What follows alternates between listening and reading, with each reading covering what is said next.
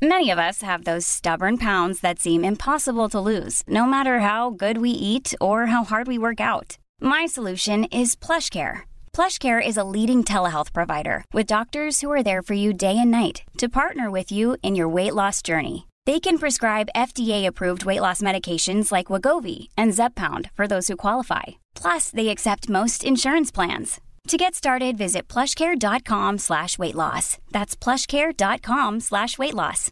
Imagine the softest sheets you've ever felt. Now imagine them getting even softer over time. That's what you'll feel with Bowl and Branch's organic cotton sheets. In a recent customer survey, 96% replied that Bowl and Branch sheets get softer with every wash. Start getting your best night's sleep in these sheets that get softer and softer for years to come. Try their sheets with a 30-night guarantee. Plus, get 15% off your first order at bowlandbranch.com. Code BUTTERY. Exclusions apply. See site for details. Hi, I'm Daniel, founder of Pretty Litter. Did you know cats tend to hide symptoms of sickness and pain? I learned this the hard way after losing my cat, Gingy. So I created Pretty Litter, a health monitoring litter that helps detect early signs of illness by changing colors, saving you money and potentially your cat's life. Pretty Litter is veterinarian developed, and it's the easiest way to keep tabs on your fur baby's health right at home. Go to prettylitter.com and use code ACAST for 20% off your first order and a free cat toy. Terms and conditions apply. See site for details. Hej och välkomna till 30 plus 3. Eh, det här är ju våra sommarspecialer som vi eh, sänder ut nu. Ja. Ja. Du är först ut. Jag är först ut. det här ska bli så spännande. Jag känner det också. Känner du att man sitter lite sådär i- på helspänn? Ja, men det, det ska ni kanske göra. I'm a mess. Don't know how I got here, but I'm blessed. No more you. För Vi kom överens här om att vi skulle köra någon slags eh, sommarpratsspecial då. Eh, vi som kanske aldrig riktigt fick sommarprata. Eh, du har ju sommarpratat Sofie på riktigt i P1. Jag har sommarpratat i P4 Gotland. Eh, Jag har aldrig gjort något- varken eller. Något mer än så kanske det inte blir för mig. Men eh, då pratade vi också om att vi skulle lite kopiera eh, David Sundins upplägg för sommarprat. Ja. Eh, jag hoppas att han inte lyssnar här nu och hör att vi snor det rakt Konceptet. av. Eh, ja, men där vi bara kommer att dra några små härliga anekdoter från livet. Högt och lågt. Ja. Eh, stort och litet. Ja. Fint och fult. Ja. Och då är jag först ut.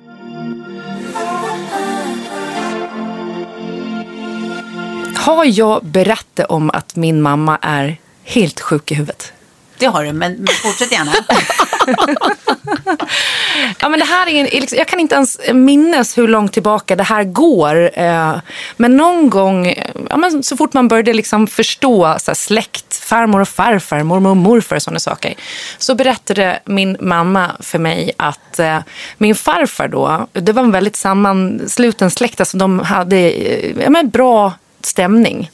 Han hade en bror som hette Folke. Sen hade han ett gäng systrar som hette Märta, Ann-Louise, Signe och Digne. Ja.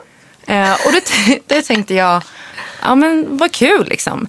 Och sen så, ju äldre jag blev så insåg jag att så här, ja, men, eh, Signe eh, och Digne, har jag, alltså, har jag träffat Ja, men, eh, du har träffat båda, men de är aldrig på samma ställe samtidigt för de kommer inte överens. Så började det liksom. Eh, Ett tvillingpar. ett tvillingpar, ja. Det är, Signe och Digne föddes då samtidigt som tvillingar. Eh, sen några år senare så var jag lite så här, fast nu är jag ganska säker på att det är bara Signe jag träffar. Och då så säger min mamma att eh, förlåt, alltså jag lurade dig.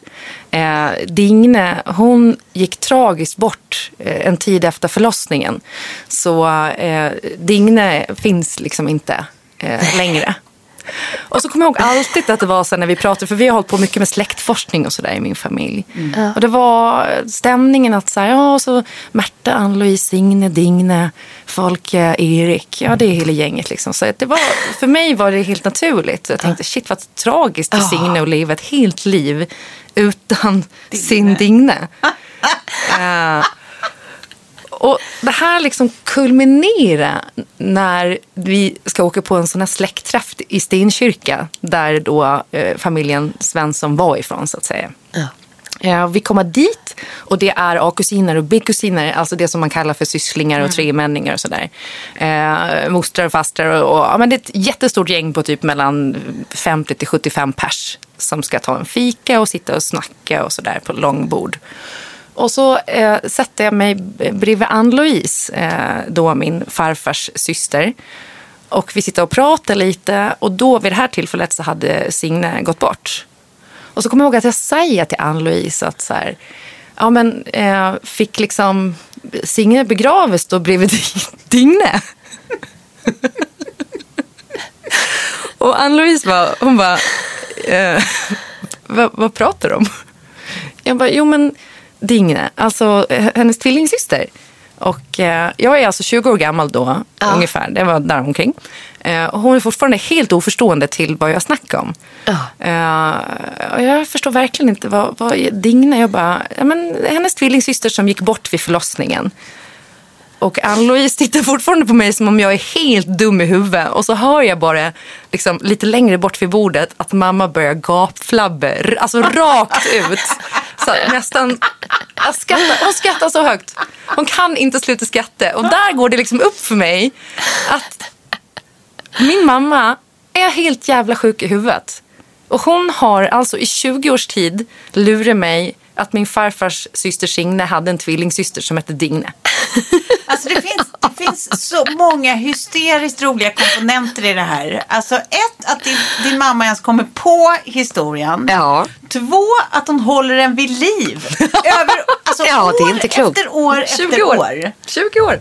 Och tre, att det är liksom bara för henne. Det är kul under all den här tiden. Ja, ingen annan kan njuta av skämtet. Men, men det räcker gott för henne. Fyra, har vi ens pratat om Alltså att du aldrig har ifrågasatt namnet. Digne. Har vi någonsin hört talas om det? Det är som att man bara, det här är Klara och Snara. Ja.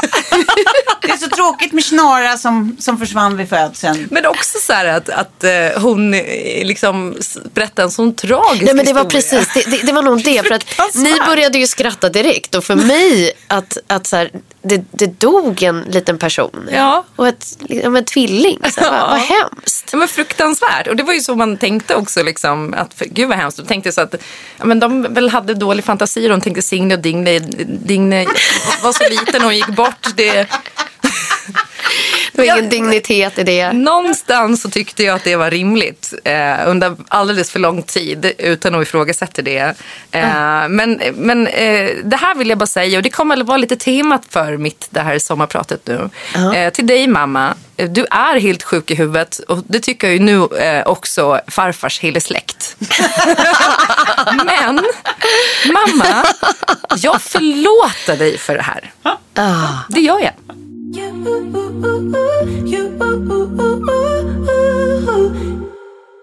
Har jag berättat om när jag rymde hemifrån första gången? Nej. Berätta. Berätta. eh, ja, men vi kan börja med det här då.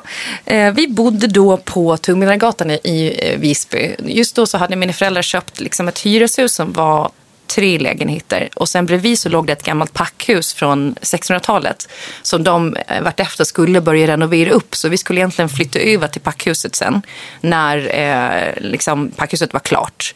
Men här då bodde vi... Det här, den minen som ingen ser nu, eh, men som du tittar på, det är, eh, jag spelar med och låtsas som att jag någonsin hört talas om ett packhus förut. Vet inte vad det är för något. Ja, det, är precis vad det låter som. Men det är tryggt Alltså, man packar grejer. Ett förrådshus liksom. Det var t- tre våningar, ganska eh, lågt i tak. Eh, väldigt fint hus liksom. Men det användes för typ förvaring. Och sen så efter typ 1700 och 1800-talet så inrymde det 100 familjer. Det var sådär som att man liksom bara hällde ut pottan utanför. Så det fanns brunnar utanför typ varje fönster. Ja. Eh, det låter ganska äckligt när man pratar om det. Men det blev ett väldigt allt fint var ju äckligt förr i hus. tiden. Ja. Eh, och så i alla fall så håller de på också att fixa upp den, det här hyreshuset innan då. Så att de höll på med det där i många, många år. Eh, och pappa är hemma och målar elementen och min morsa ska gå till eh, pizzerian nere på Stora torget. Eh, Isolabella tror jag att den hette. Och hämta hem pizza. Och säger till pappa att så, ja, men, eh, Klara är på sitt rum så jag har koll på henne, jag går. Ehm, och jag är vid det här tillfället, jag kan vara två och ett halvt kanske. eh, gam, år gammal. Eh, och hon i alla fall sen komma hem eh, och säga till pappa, du Klara, var är hon?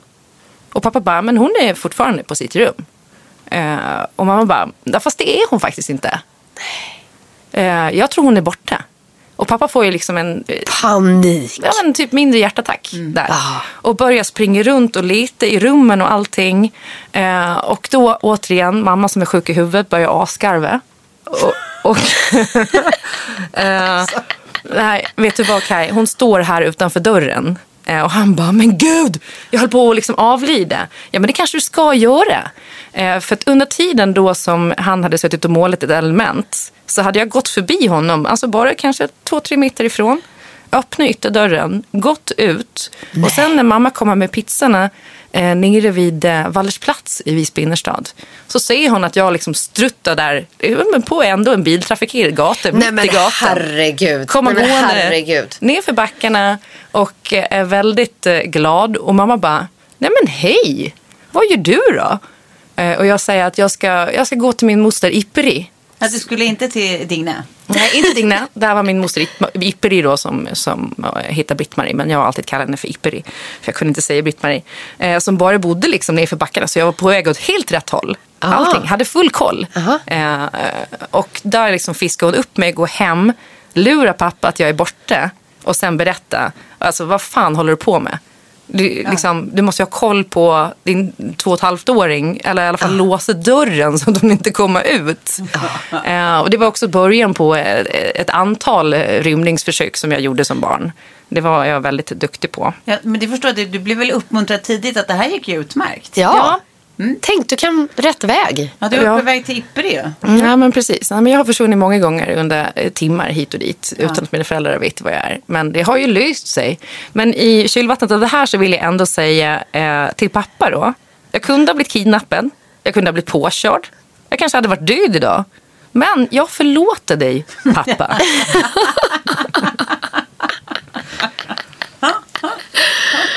Åh gud, alltså jag- den där ångesten. Ja. Panikångesten. Verkligen. Att inte veta vad en två, två och ett halvt åring är.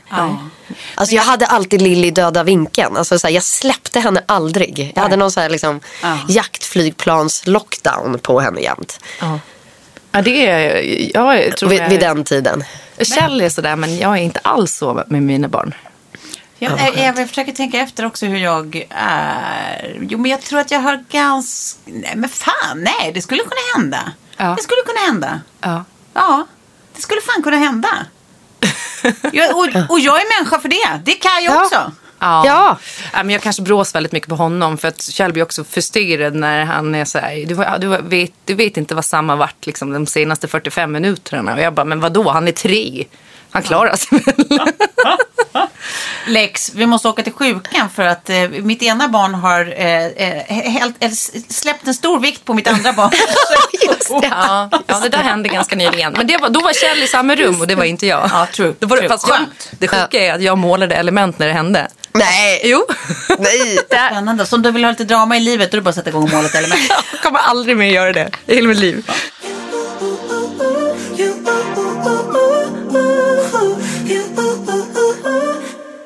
Har jag berättat om mitt mest privata rum?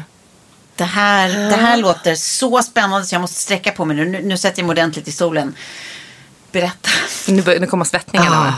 Jag undrar om det är det där privata rummet som man går till där man har de här bilderna på små söta katter och sånt.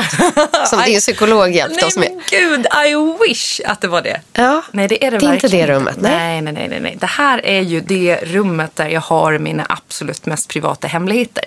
Det finns eh, ett par stycken hemligheter där. Eh, En del är ju sånt som också berör andra människor som man kanske inte vill dela med sig av just i den aspekten. Men det är, det är sånt som väldigt få vet.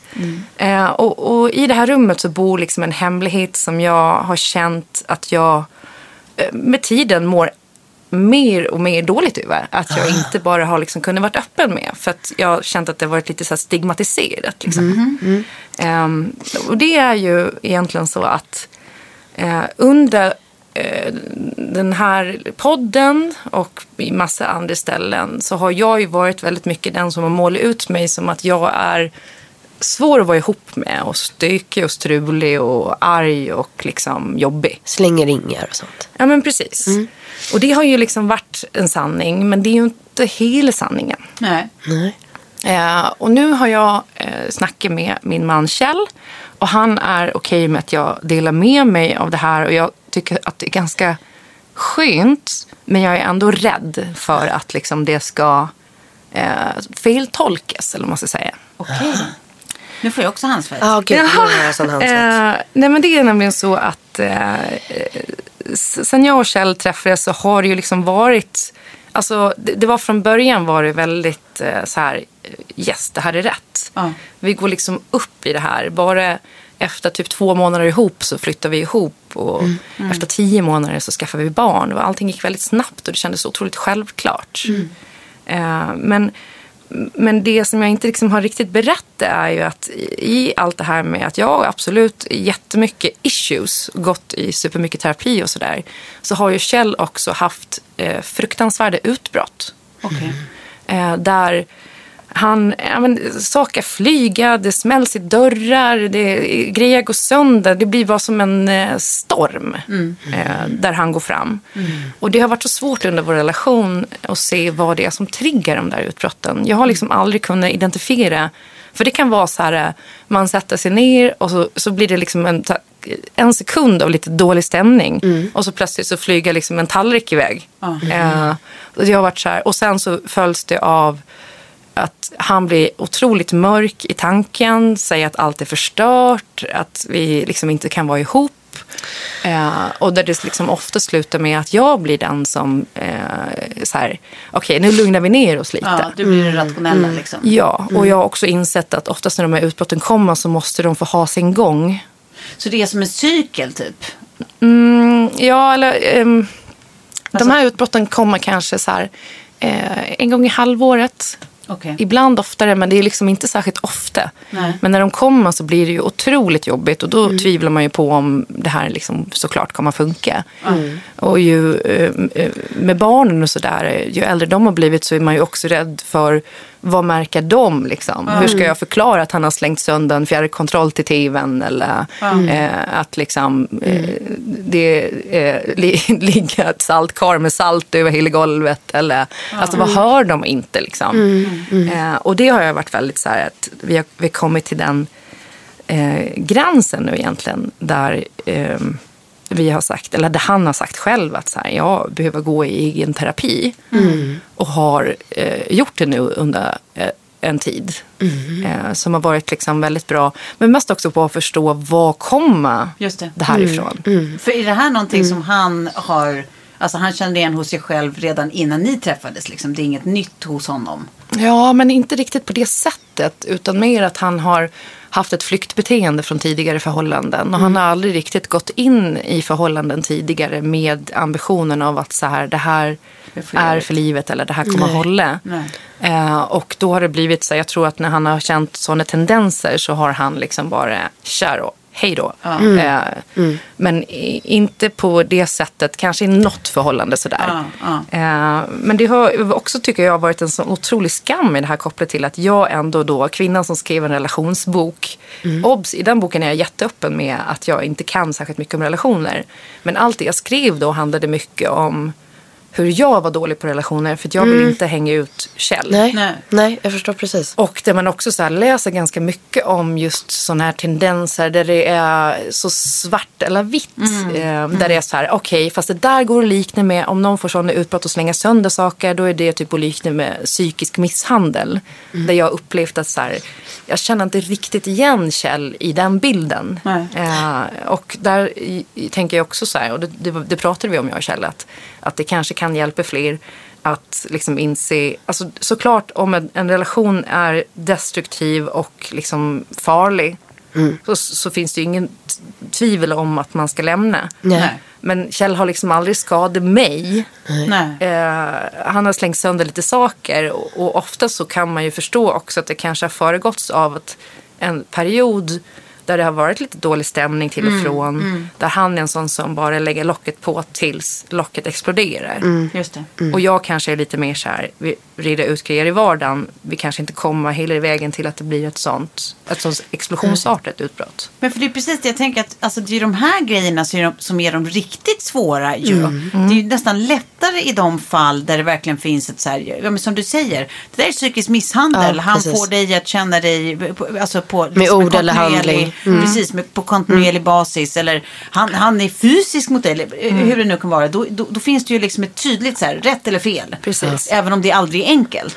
Men i det, här, det är de här fallen som, som jag, jag tycker det är så jävla bra av både dig och av honom. Liksom, att faktiskt här, absolut, vi pratar om det här nu öppet. För att det är de här grejerna som är så jävla svåra. Så här, När vet man om någonting är en egenhet, ett sätt att hantera problem som är, som är krånglig för alla inblandade. Eller när det faktiskt är någonting på riktigt dåligt som får dåliga konsekvenser i längden. Liksom. När det är någonting man måste liksom, ta på allvar och, och gö- göra insatser för att ändra. Alltså, Det där är skitsvårt. Ja. Och fan vad jag tycker det är, vad både du och Kjell ska ha sån jävla props för att ni bara, nu vi snackar om det. Ja. Ja, men precis. Och sen nu när han har gått den här terapin så har det också varit väldigt mycket kopplat till eh, att han har haft, eh, liksom, eh, alla hans föräldrar har alla hans föräldrar, han har två föräldrar och en bonuspappa som bara har liksom så här, från, ingen, från en dag till en annan gått bort. Ja, Eh, I ung ålder liksom. det där kommer i kapsen. Ja, och det i kombination med att han växte upp med en kompis som, som är fullblodspsykopat. Eh, Och där eh, Eh, han har varit liksom väldigt dålig på att hantera eh, sina känslor och så kring det här. Innan så har jag liksom upplevt lite att det har varit svårt för honom att ta ansvar för det här. För det har ändå ofta landat i att så här, ja, men om du bara typ så här, eh, inte var så jäkla sur hela tiden. Alltså, om du inte var så och så så skulle jag kanske inte få de här utbrotten. Men nu har han ju också insett att det är ju inte så enkelt. Nej, det är ju inte det. Och jag menar, om han hade varit elak mot mig liksom, i övrigt eller att man märker att så här, det här är en människa som vill mig illa eller vill skada mig. Så tror jag att då hade jag ju tänkt på ett annat sätt. Men det finns liksom inte i Nej. honom. Så att det är någon liksom utlopp av liksom gammal frustration som bara måste... Precis. Det är som Men jag att- tänker så här, hur känner du i den situationen när något sånt händer?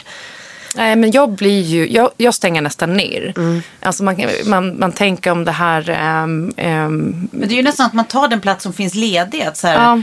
Okej, du blev galen. Då, då är den platsen som är ledig att någon måste vara rationell. Lugn, så här, ja. då måste jag helt plötsligt vara så här vuxen och lugn och frånse liksom hela mitt känslomässiga spektra. Liksom, och så, här.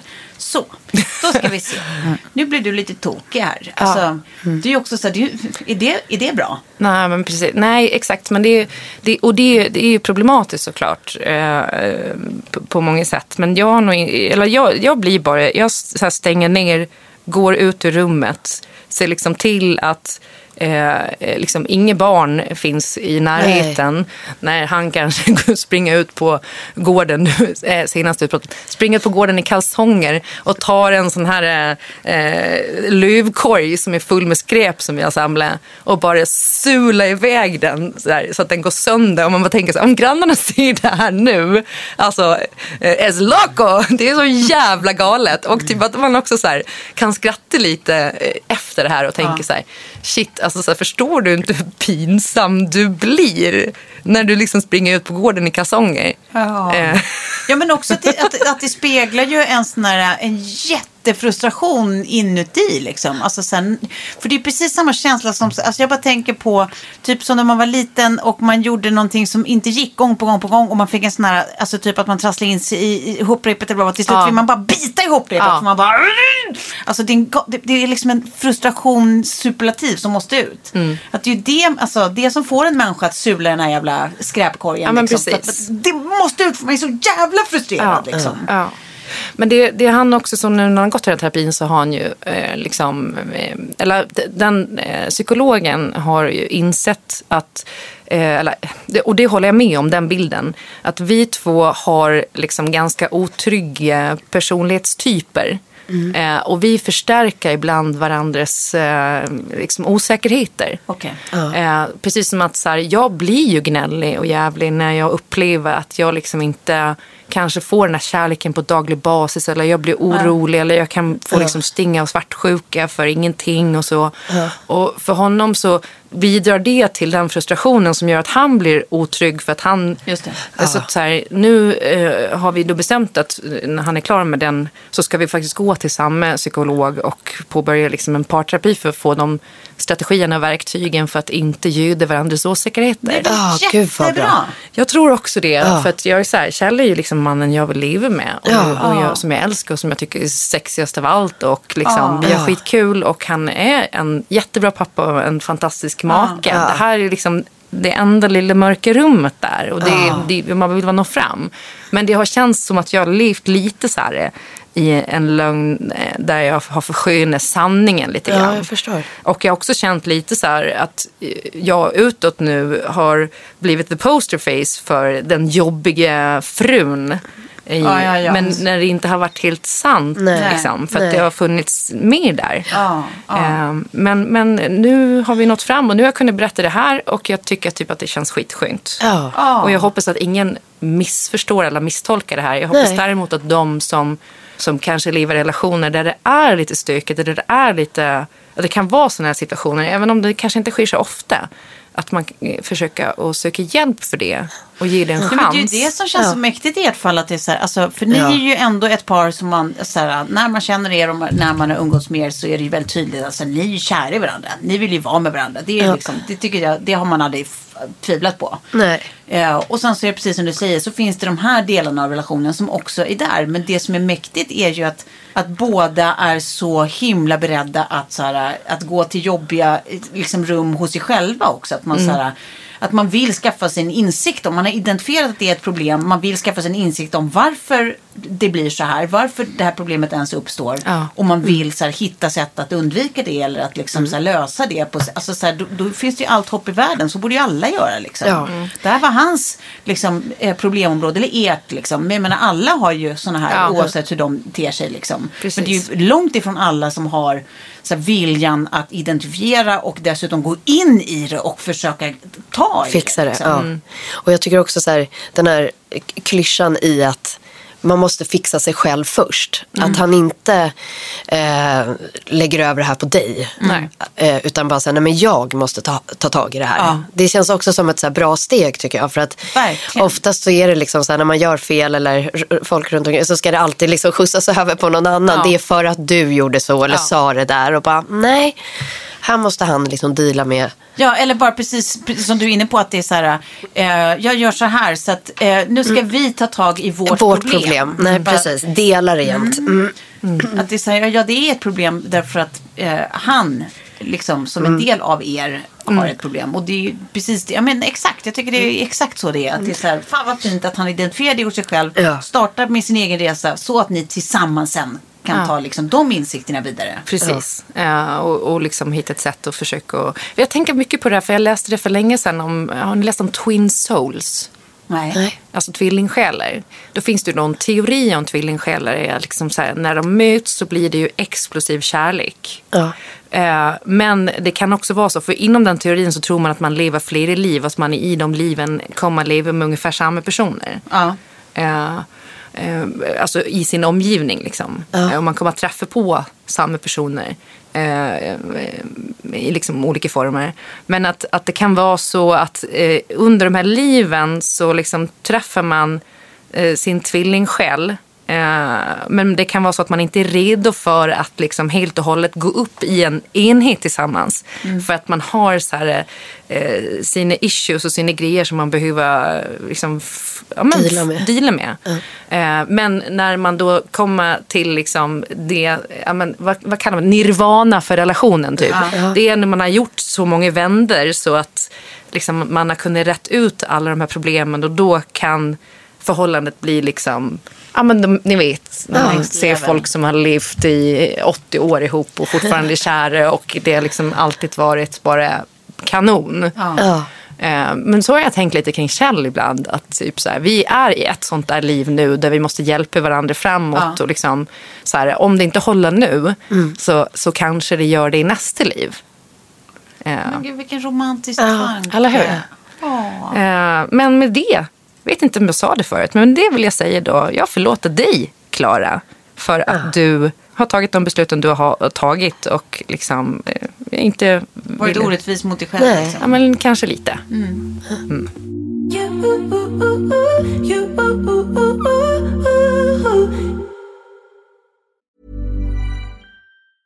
Many of us have those stubborn pounds that seem impossible to lose, no matter how good we eat or how hard we work out. My solution is PlushCare.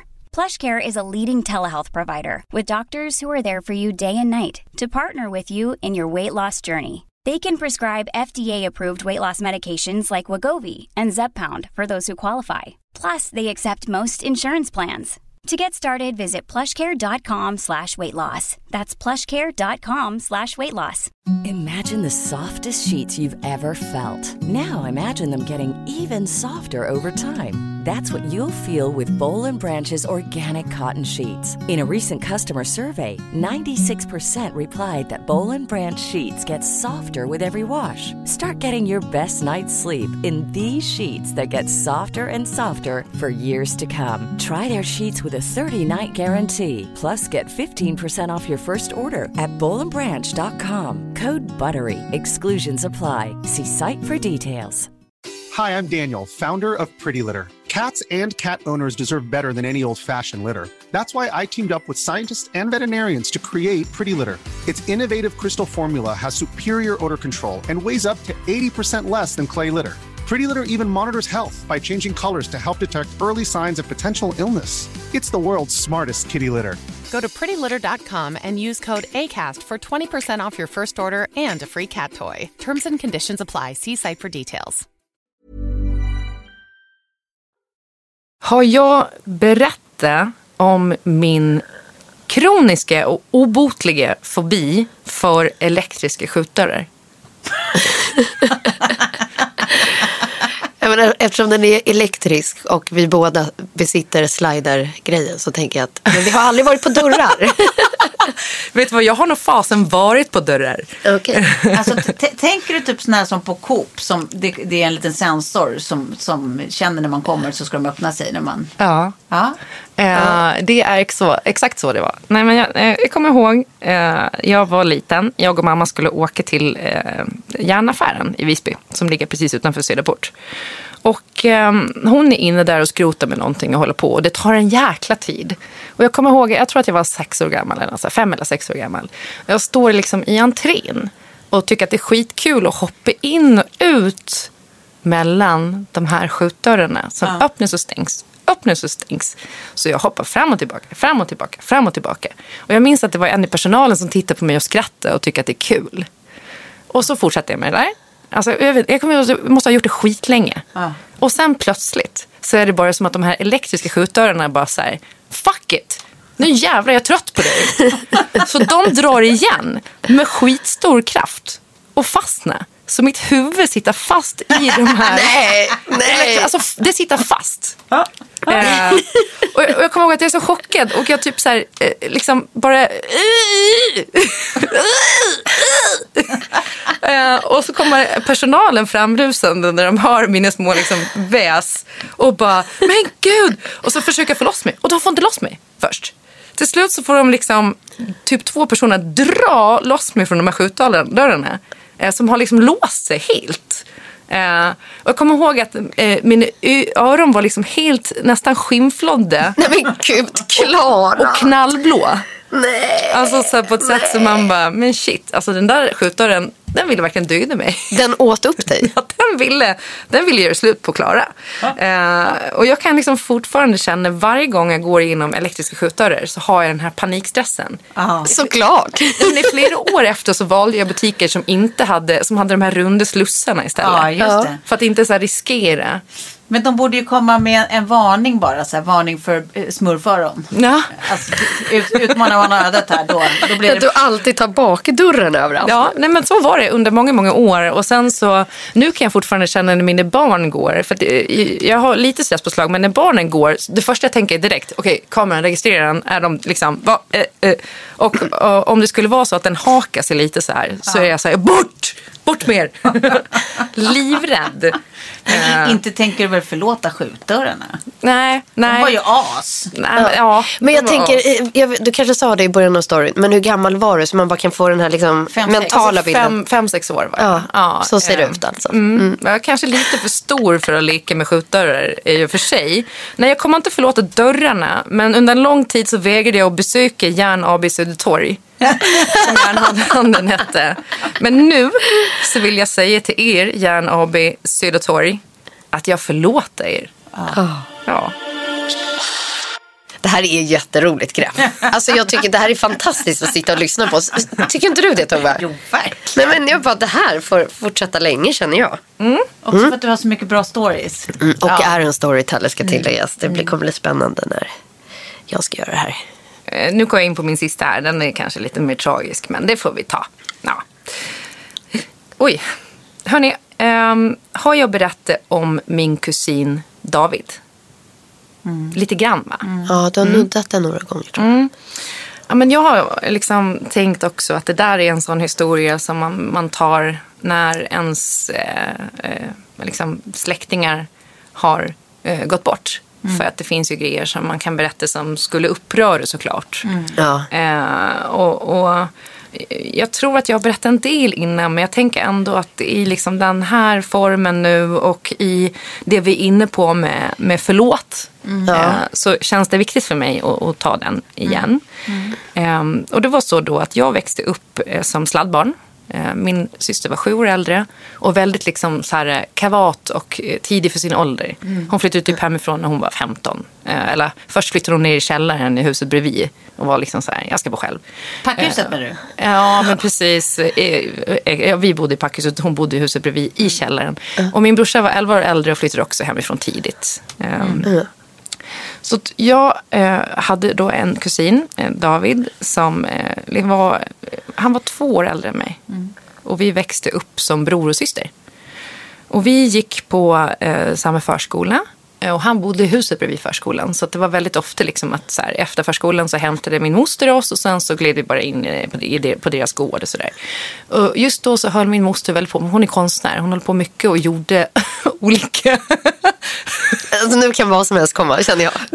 Hon gjorde Antingen så kommer du säga att hon målar element eller att hon gjorde sn- snippor. Nej, men- Jag säger så här, spek- spektrat Alltså, är... hon är jätteduktig och har levt som konstnär i större delen av sitt liv. Men just då hade hon då en butik och en gårdsverkstad utanför det här lägenhetshuset som de bodde. Men butiken låg lite längre ner för backen. Och hon tillverkade då bara hattar i lera. I lera. som man hade på väggen. Olika hattar. Ja, ja. Det var inte Halston här. Nej, nej, nej. Men det var fina hattar, absolut. De var väldigt prydliga. Eh, Men Och det är roligt. Digne, det har ju jag. ja, verkligen. Men eh, så vi liksom var väldigt mycket ensamma och själva när jag var barn. Eh, Och jag kan känna så här att, att minnena är ju blika men vissa blir suddigare. En del känns mycket starkare. Man börjar också med åldern och så här fundera kring så här, ja men vad, vad hände egentligen och vad hände inte? Och är det någonting jag har liksom konstruerat i efterhand. Men det finns ett, ett antal minnen som liksom är tydliga och som jag inte tvivlar på. Ja. Eh, och min kusin han kom adopterad från Sri Lanka. Ehm, han hade då en ganska tuff bakgrund där han var ett barn i mitten i en ganska stor barnaskara som blev ensam. Den enda i familjen som blev bortadopterad. Eh, och det jag har förstått senare var att alltså, snacket var att eh, hans mamma hade blivit våldtagen. Eh, och att eh, det var därför som han adopterades bort. För Och vid, vid vilken ålder? Förlåt bara så att jag vet vad ni, och sen när ni hänger, hur gamla är ni då ungefär? eh, nej men, eh, alltså, han kom ju till Sverige när han var spädbarn, alltså Ah, okej, nyfödd. okej. Eh, så, så, så det var liksom, så, så vi, alltså, hela vår uppväxt Ja. hängde vi ihop. Och han var som min bror. Liksom. Ja. Han var närmare mig än min, min syster och min egen bror. Eh, men, men han var jävligt elak alltså. Eh, Men han hade det också tufft. Men jag minns det liksom redan från dagis att han kunde ja, men låsa in en i källaren i flera timmar. Eh, och bara lämna en där. Han var ganska så här, våldsam och eh, höll på med my- mycket konstigheter. Men han blev också så här, mobbad i skolan för att han var liksom, den enda typ eh, rasifierade på vår skola. Eh, och han han höll på med så här, vad heter det, sån här blåsinstrument. Det blev han också mobbad för. Han älskade sin saxofon eller vad det var, trombon. Jag kommer inte ihåg vad det var han höll på med. Eh, men där, och så däremellan de här eh, grymheterna så fanns det otroligt många stunder som var ömhet och kärlek och vi hade skitroligt ihop och han kunde dansa exakt, alltså exakt som Michael Jackson. Med moonwalk och allting. Han var liksom otroligt dansant och musikalisk och liksom eh, påhittig.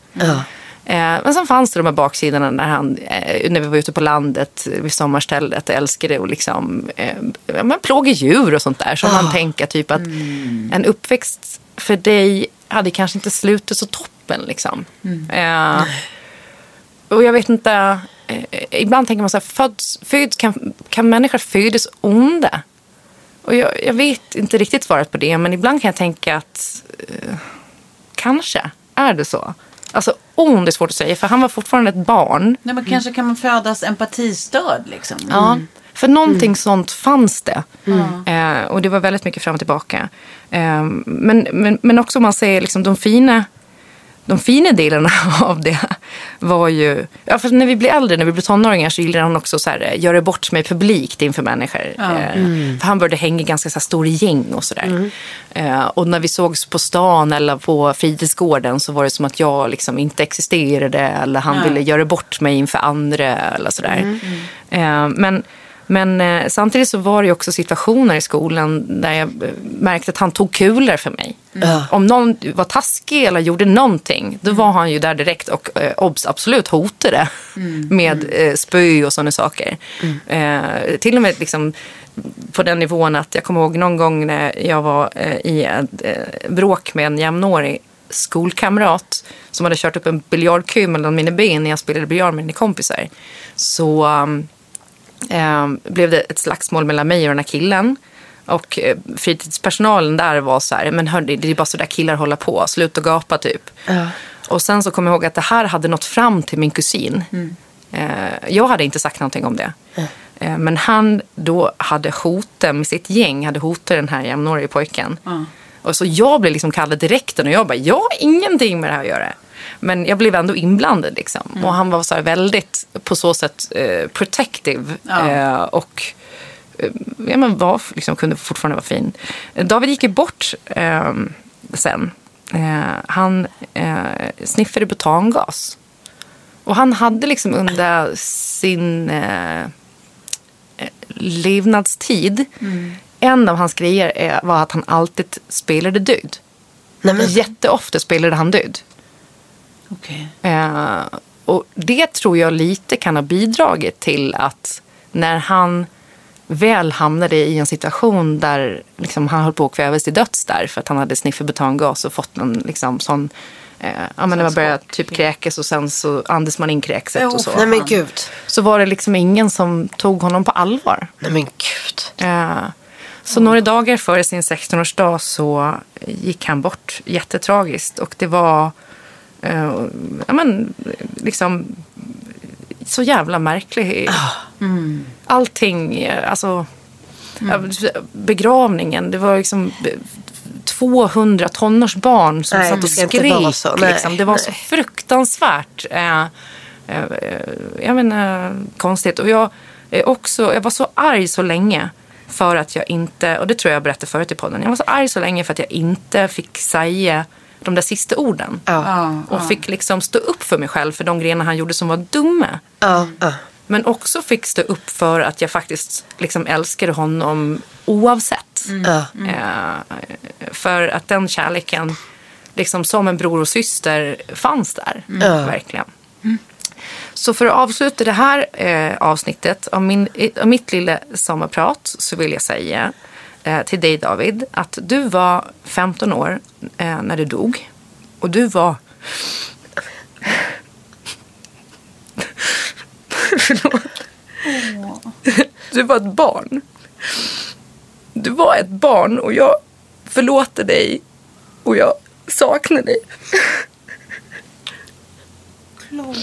Och jag har drömt så mycket om att det fanns en tid då du blev bättre och blev liksom, eh, fick rätt hjälp eh, och där vi skulle ha middagar med våra familjer och vi skulle göra så mycket kul ihop. Eh, och det fick vi aldrig eh, i det här livet, men kanske i nästa.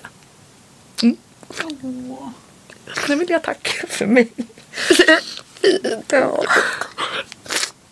Åh, herre. Ja, nu blir det som gråtfält här. Sitt klart. Skönt också bara, ja, Ja. nu släpper man det bara. Alltså släpper det kommer man ju aldrig göra, men, men eh, det är så skönt att, att verkligen kunna förlåta.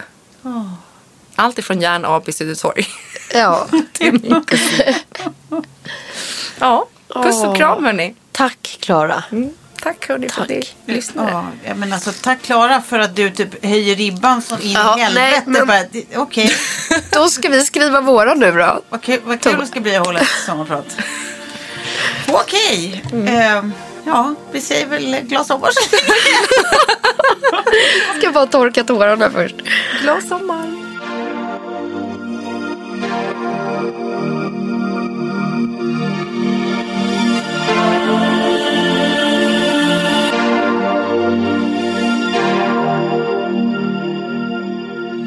En podd från Allermedia.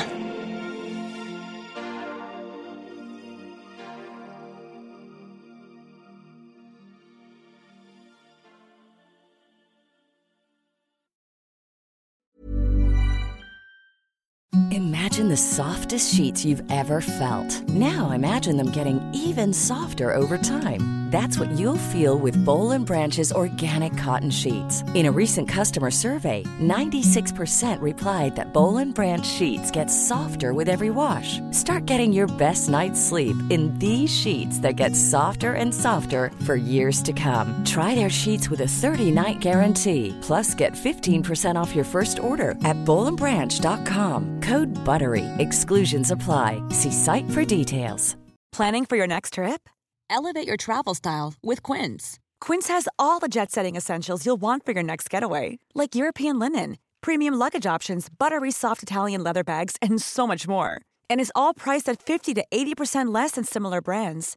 Plus, Quince only works with factories that use safe and ethical manufacturing practices.